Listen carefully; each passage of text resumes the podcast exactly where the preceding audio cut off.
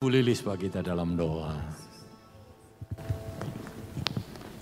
Terima kasih Tuhan, kami tahu hidup kami ini adalah lagu cinta. Ya Yesus. Kami tahu kasih Tuhan begitu besar mengalir di dalam kehidupan kami. Ya Tuhan. Ketika kami boleh ada hari ini, kami tahu itu karena kemurahan. Amin. Bersyukur untuk hari ini Tuhan. Amin. Kalau kami boleh mendengarkan firman Tuhan yang sebentar akan disampaikan hambamu, kami tahu itu juga bukti kasih Tuhan kepada Haleluya, kami. Tuhan akan berbicara kepada kami. Mari urapi hambamu yang sebentar akan menyampaikan firman-Mu. Amin. Mari tolong kami semua supaya kami boleh Ya mempunyai Yesus. telinga seorang murid, kami boleh mempunyai hati seorang hamba. Haleluya. Melakukan firman-Mu di dalam Haleluya, Yesus. kami. Kami firman-Mu itu Tuhan pelita bagi kehidupan kami. Kami mau duduk diam untuk mendengarkan firman-Mu. Terima kasih Kami Tuhan. siap untuk menerima firman-Mu. Terima kasih Tuhan Yesus. Di dalam berkat nama Tuhan Yesus kami boleh alaskan doa kami. Haleluya. Amin, puji Tuhan. Silakan duduk. Selamat pagi. Selamat kita boleh kembali bertemu dalam kasih Tuhan Yesus Kristus. Bapak Ibu Saudara diberkati pada pagi yang indah ini. Amin. Allah yang kita sembah adalah yang ajaib, Allah yang luar biasa yang boleh menolong kita semua. Puji Tuhan.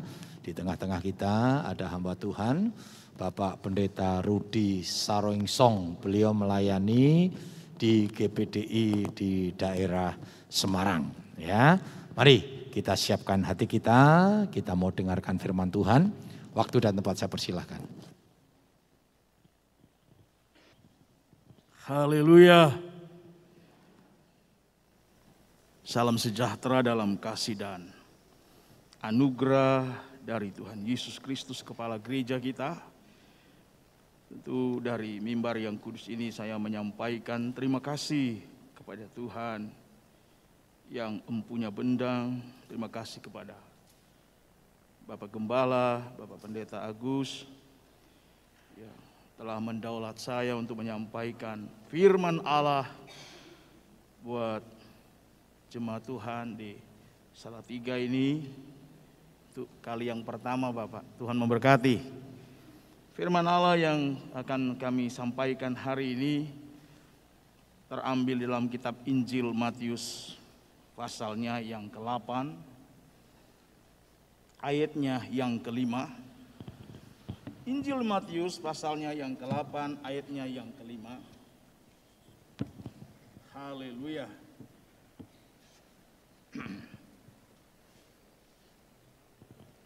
Dengan tema kepedulian terhadap sesama. Mari kita akan membuka bersama-sama dalam Injil Matius pasalnya yang ke-8 mulai ayat yang kelima hingga ayatnya yang ke-13. Tapi hanya beberapa ayat saja yang kita baca. Mulai ayat yang kelima bunyinya demikian. Ketika Yesus masuk ke Kapernaum, datanglah seorang perwira mendapatkan dia dan memohon kepadanya. Tuan, hambaku terbaring di rumah karena sakit lumpuh dan dia sangat menderita. Ayat yang ketujuh. Yesus berkata kepadanya, aku akan datang menyembuhkannya. Ayat yang ke-8, tetapi jawab perwira itu kepadanya, Tuhan, aku tidak layak menerima Tuhan di dalam rumahku. Katakan sepatah kata saja, maka hambaku itu akan sembuh. Sampai di sana pembacaan firman Allah.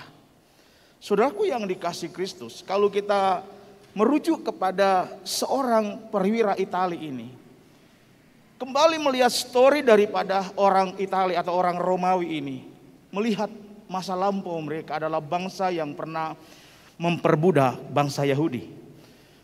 Bahkan di dalam buku sejarah, seorang tokoh teolog terkenal menulis sebuah buku tentang bagaimana penindasan bangsa Romawi itu terhadap bangsa Yahudi.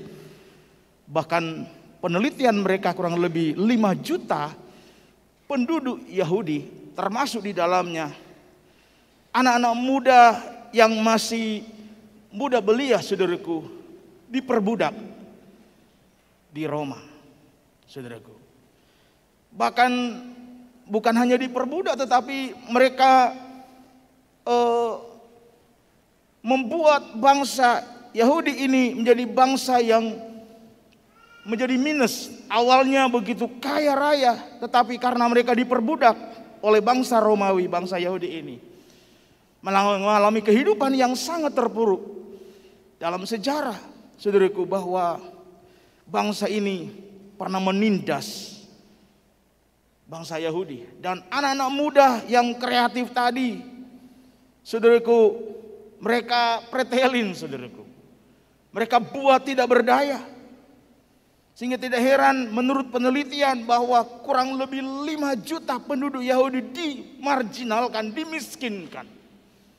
Sehingga sindrom bagi bangsa Yahudi untuk mengakui kehebatan bangsa Romawi. Tetapi Alkitab mencatat, menulis di dalam ayatnya yang ke-10 penghargaan tertinggi Kristus Yesus kepada seorang perwira Itali. Dikatakan dalam kitab suci ayat yang ke-10 setelah Yesus mendengar hal itu, heranlah ia dan berkata kepada mereka yang mengikutinya. Aku berkata kepadamu sesungguhnya iman sebesar ini tidak pernah tidak pernah sorry tidak pernah aku jumpai pada seorang pun di antara orang Israel. Saudaraku, apa yang disoroti oleh Tuhan terhadap seorang perwira Italia ini? Seorang perwira Italia ini dikatakan oleh kitab suci dia memiliki seorang pembantu rumah tangganya yang kesehariannya membantu dia dalam aktivitasnya dalam rumah, saudaraku. Tetapi tiba-tiba jatuh sakit dan mengalami kelumpuhan. Sorotan kitab suci seorang perwira ini ketika dia menghadapi dilema, menghadapi problem yang besar dalam keluarganya, satu hal yang dia lakukan pertama-tama Saudaraku, untuk keluar dari masalah dalam ayatnya yang ke-8. Ada ayat yang kelima bagian pertama. Datanglah seorang perwira mendapatkan dia. Pertama-tama yang dilakukan oleh seorang perwira ketika dia menghadapi problem, persoalan berat, mendidik kehidupannya, dia mencari juru selamat. Amin. Amin. Bukankah juga dalam kehidupan kita orang-orang percaya, orang-orang Kristen ketika menghadapi problem, persoalan yang berat mendatangi kehidupan baik pribadi rumah tangga. Jangan cari di tempat yang lain, tapi carilah sang juru selamat, penolong kita yang setia. Amin. Amin. Hari-hari ini menghadapi berbagai tekanan hidup, saudaraku. Terkadang orang kehilangan jati diri, kehilangan pegangan hidup. Sehingga di sana sini, di berbagai keadaan dan kondisi dalam lingkungan, ada banyak tip yang membuat banyak orang terpengaruh dengan kehidupan strata sosial di berbagai keadaan. Maka ada yang berkata, untuk keluar dari masalah, ada orang-orang kuat di sana. Banyak orang lupa bahwa alamat untuk mencari penyelesaikan penyelesaian masalah adalah tidak lepas dari datang kepada Kristus. Amin. Perwira Itali tadi, dia mencari jalan yang terbaik. Dia berjumpa dengan Tuhan. Haleluya. Di dalam ayat yang kelima bagian B dikatakan. Dan memohon kepadanya. Tahukah Bapak Ibu? Teladan yang baik disoroti oleh Alkitab, oleh Tuhan Yesus terhadap orang perwira Itali tadi. Sikap hatinya dia menempatkan Kristus sebagai layak sebagai juru selamat. Amin. Amin.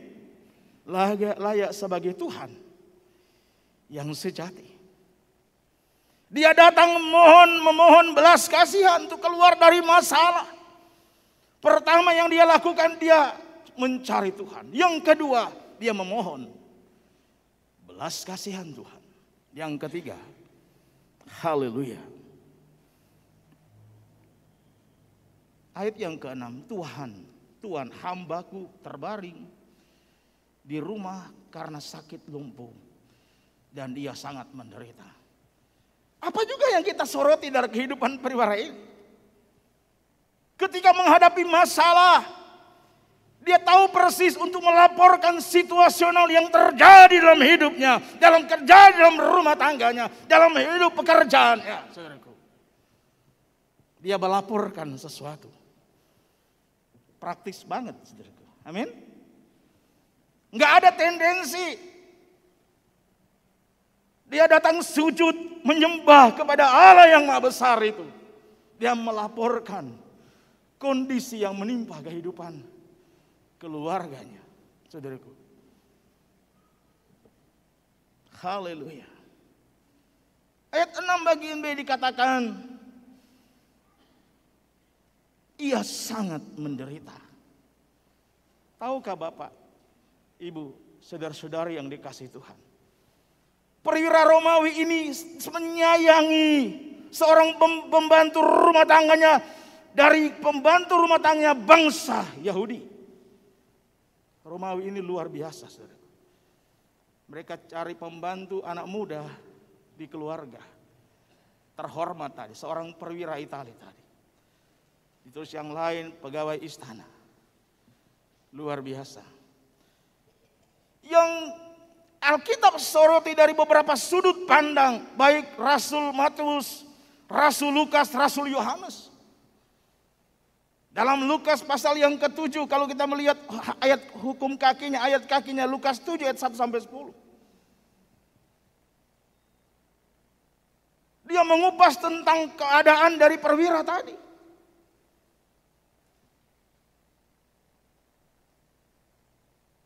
Apa alasannya sehingga Tuhan Yesus mengapresiasi, menghormati permohonan perwira ini? Itu diulas oleh dokter Lukas dalam Lukas pasal 7 ayat 1 sampai 10. Luar biasa, saudara. Dia berkata kepada perwira kepada tua-tua Yahudi. Ketika dia datang kepada tua-tua Yahudi, dia memohon kepada mereka untuk berjumpa dengan sang juru selamat. Sehingga orang perwira, perwira tadi memohon. Tua-tua Yahudi berkata, mendatangi Kristus. Dia layak engkau tolong. Apanya? Kristus layak untuk menolong perwira ini. Wong dia seorang penjajah. Dia berkata, dia memiliki kelekatan hubungan dengan tua-tua Yahudi. Amin. Dia membangun jejaring, dia membangun hubungan yang harmonis. Bukankah juga dalam hidup kita ketika menghadapi problem dalam pribadi rumah tangga, kita tidak cari saudara-saudara kita yang jauh dari kita. Saya datang dari Minahasa ketika putra saya sakit. Ketika istri saya sakit, saya tidak minta pertolongan kepada kakak adik saya. Tetapi saya minta pertolongan kepada tetangga. Ketika di Anfal istri saya, tetangga kiri kanan punya mobil. Mereka lihat di CCTV, kok Pak Pendeta itu nak manggil kami. Langsung diseruduk ke rumah. Kenapa Bapak? Kelihatan istri saya Anfal. Kan dekat rumah sakit Ketilang. Dalam 10 menit aja lari. Nggak usah takut Bapak, nggak usah khawatir, nggak usah malu Pak. Kita samahan bangsa. Luar biasa, amin. Tetangga yang baik hati. Kami antar istri Bapak ke rumah sakit. Di sana dikatakan ada keluarga Jogotongo, hubungan baik antara tetangga. Saya juga waktu itu adalah sekretaris RT. Saya juga masuk di RW, pengurus RW. Saudaraku, semua berjejaring, berhubungan erat. Dari situlah muncul ide-ide yang baik untuk menolong mereka-mereka yang terpuruk. Amin. Itu dilakoni oleh perwira Itali yang berjejaring dengan perwira, perwira dengan tua-tua Yahudi tidak gampang. Setelah saya meneliti perwira perwira apa perwira Italia ini untuk berjejaring dengan tua-tua Yahudi, tidak mudah membalik telapak tangan. Tua-tua Yahudi dari latar belakang penganut, saudaraku. Ada penganut Herodian, ada penganut uh, apa? Ada berbagai macam penganut Taurat, ahli Taurat, Parisi itu. Ya, adu argumen dengan perwira Italia, siapa Anda? Anda bukan bangsa kami. Anda penjajah. Saudaraku.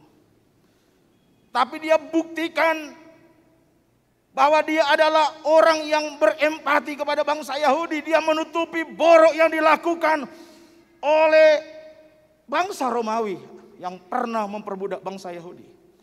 Memiskinkan bangsa Yahudi. Bahkan sebelum Yesus hadir, Romawi sudah menjajah bangsa Yahudi. Luar biasa. Bahkan Alkitab mencatat dalam sejarah. Ada storynya bagaimana bangsa Romawi itu di bawah pemerintahan kekaisaran Nero yang begitu kejam dan bengis. Menyembeli orang-orang Kristen, orang-orang kudus. Membakar mereka hidup-hidup. Bahkan tokoh-tokoh penting, para rasul-rasul dikejar-kejar. Saudaraku, orang-orang Kristen dibakar, dianiaya, dimiskinkan, ladang-ladang mereka dihanguskan. Kalau saya membaca story daripada orang Romawi begitu kejam dan bengis, apalagi Kaisar Nero. Tidak berhadap. Karena itu perwira Italia tadi menutupi kekurangan bangsanya. Alkitab berkata dalam Lukas pasal 7, mulai yang kedua sampai yang ke-10, Dilaporkan di sana bahwa perwira ini bukan hanya sekedar membangun jejaring, tetapi harta miliknya dia bagikan untuk membangun bait Allah. Amin. Amin. Luar biasa. Dia membangun, dia memberikan dana untuk mensupport bangsa Yahudi. Membangun sinagog luar biasa. Karena itu tua-tua Yahudi menyeruduk dasuk ke rumah Tuhan Yesus. Dialah yang engkau tolong. Sebab dialah yang membangun rumah dah, rumah ibadat kami. Luar biasa. Dan sorotan terakhir dalam kitab uh, Injil Yohanes, saudaraku. Dalam Yohanes pasal 4 ayat 46. Yohanes menampilkan citra diri seorang perwira Italia tadi. Saudaraku, dia katakan begini. Dia datang kepada Yesus dan dia berkata, anak yang dia kasihi sedang terbaring sakit lumpuh. Tahukah Bapak Ibu saudara-saudaraku, sorotan Yohanes beda dengan dokter Lukas. Yohanes menyoroti kehidupan perwira ini betapa mencengangkan. Kita tidak heran Kristus Yesus mengapresiasi, menghargai. Bahkan Tuhan berkata, aku akan datang menolongnya. Tapi apakah perwira tadi langsung menerima Kristus masuk ke rumahnya? Dia berkata, katakan sepatah dua kata saja. Maka hambaku itu akan sembuh. Amin. Bukankah iman yang kreatif dalam Lukas pasal 2 yang ke-9 apa yang tidak bisa dilihat oleh mata tidak didengar belum tidak didengar oleh hati dan belum masuk di dalam logos logis kita pikiran kita Tuhan sediakan bagi orang-orang yang mengasihi Tuhan. Amin. Itulah iman yang kreatif. Haleluya. Saya kalau membaca ini luar biasa, lalu saya merenungkan betapa baik seorang perwira ini. Dia jadikan pembantu rumah tangganya seperti putranya sendiri. Luar biasa. Perwira ini identitasnya tidak ditulis dalam kitab Injil. Tetapi perwira ini ditulis, rubriknya secara utuh ditulis dalam kitab kisah Rasul bab 10. Ayat 1 sampai 4, kita melihat di sana. Kisah Rasul bab 10 ayatnya yang ke 1 hingga ayat 4. Tidak ditulis dalam Injil tetapi ditulis dalam kisah Rasul. Haleluya.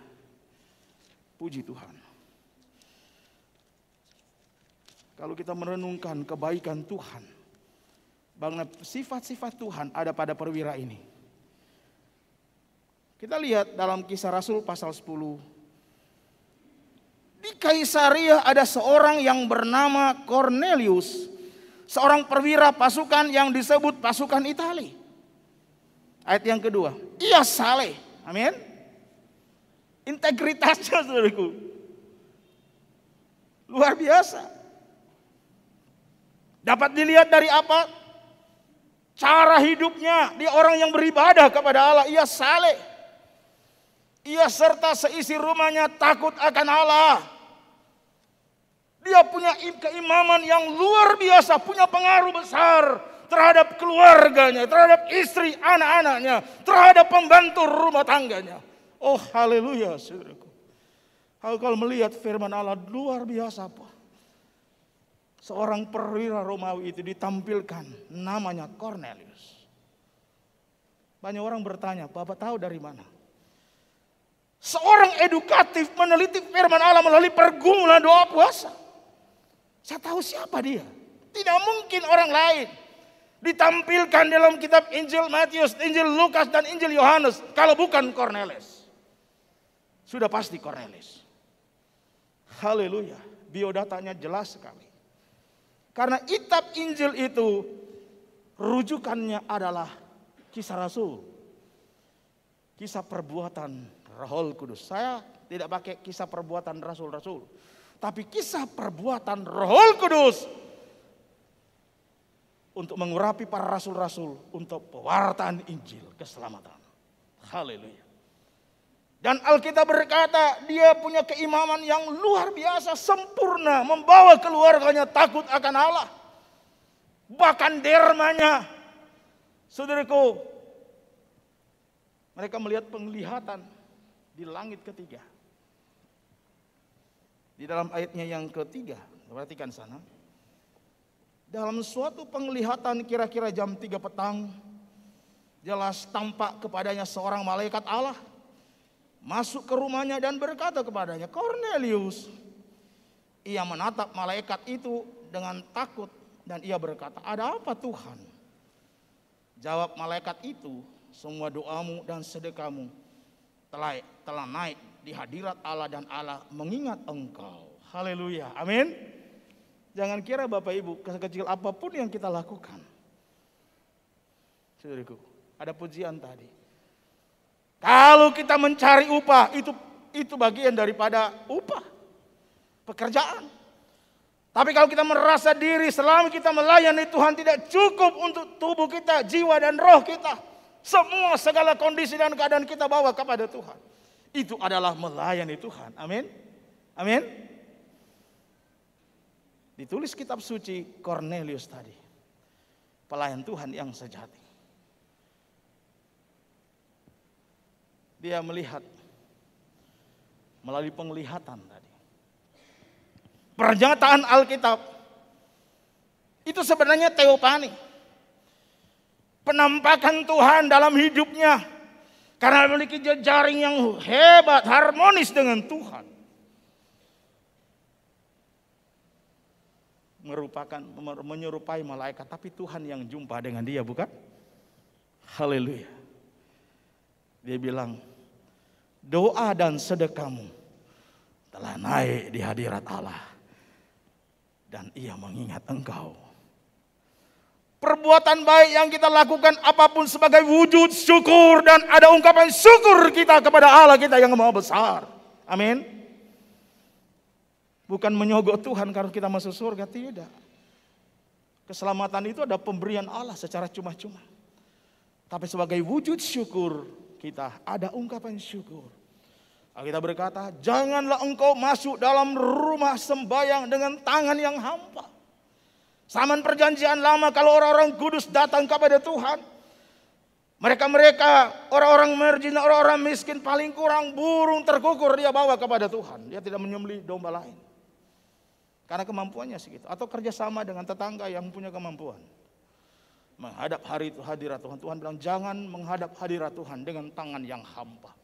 Di zaman anugerah ini Tuhan mengajar kita mungkin ada berkata.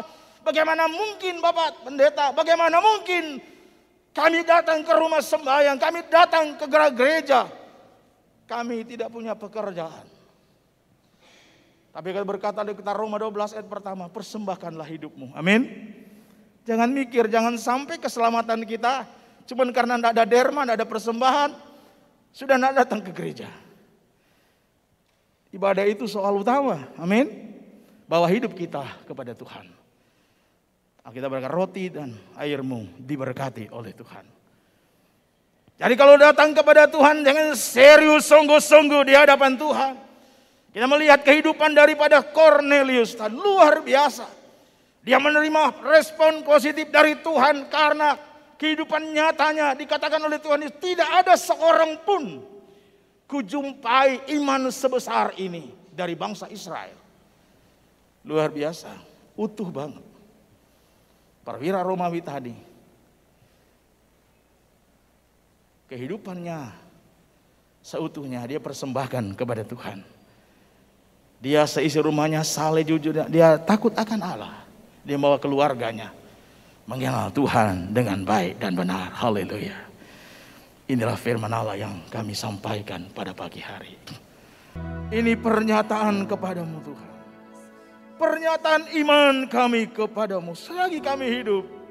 Selagi masih ada waktu, Selagi ada kesempatan, kami ingin mewujudkan syukur kami kepadamu. Adalah ungkapan syukur kami. Kami mau setia kepada Tuhan. Kami mau beribadah kepada Allah. Sebagaimana perwira Romawi tadi. Kami mau setia menunjang pekerjaan Tuhan. Kami mau setia empati terhadap sesama Kado besar bagi kami. Engkau berkata lewat firman Allah. Engkau mengingat perbuatan-perbuatan baik. Menarik perhatian Allah dalam hidup kami. Roh Kudus beri kemampuan buat kami melakukan itu. Selagi masih ada kesempatan.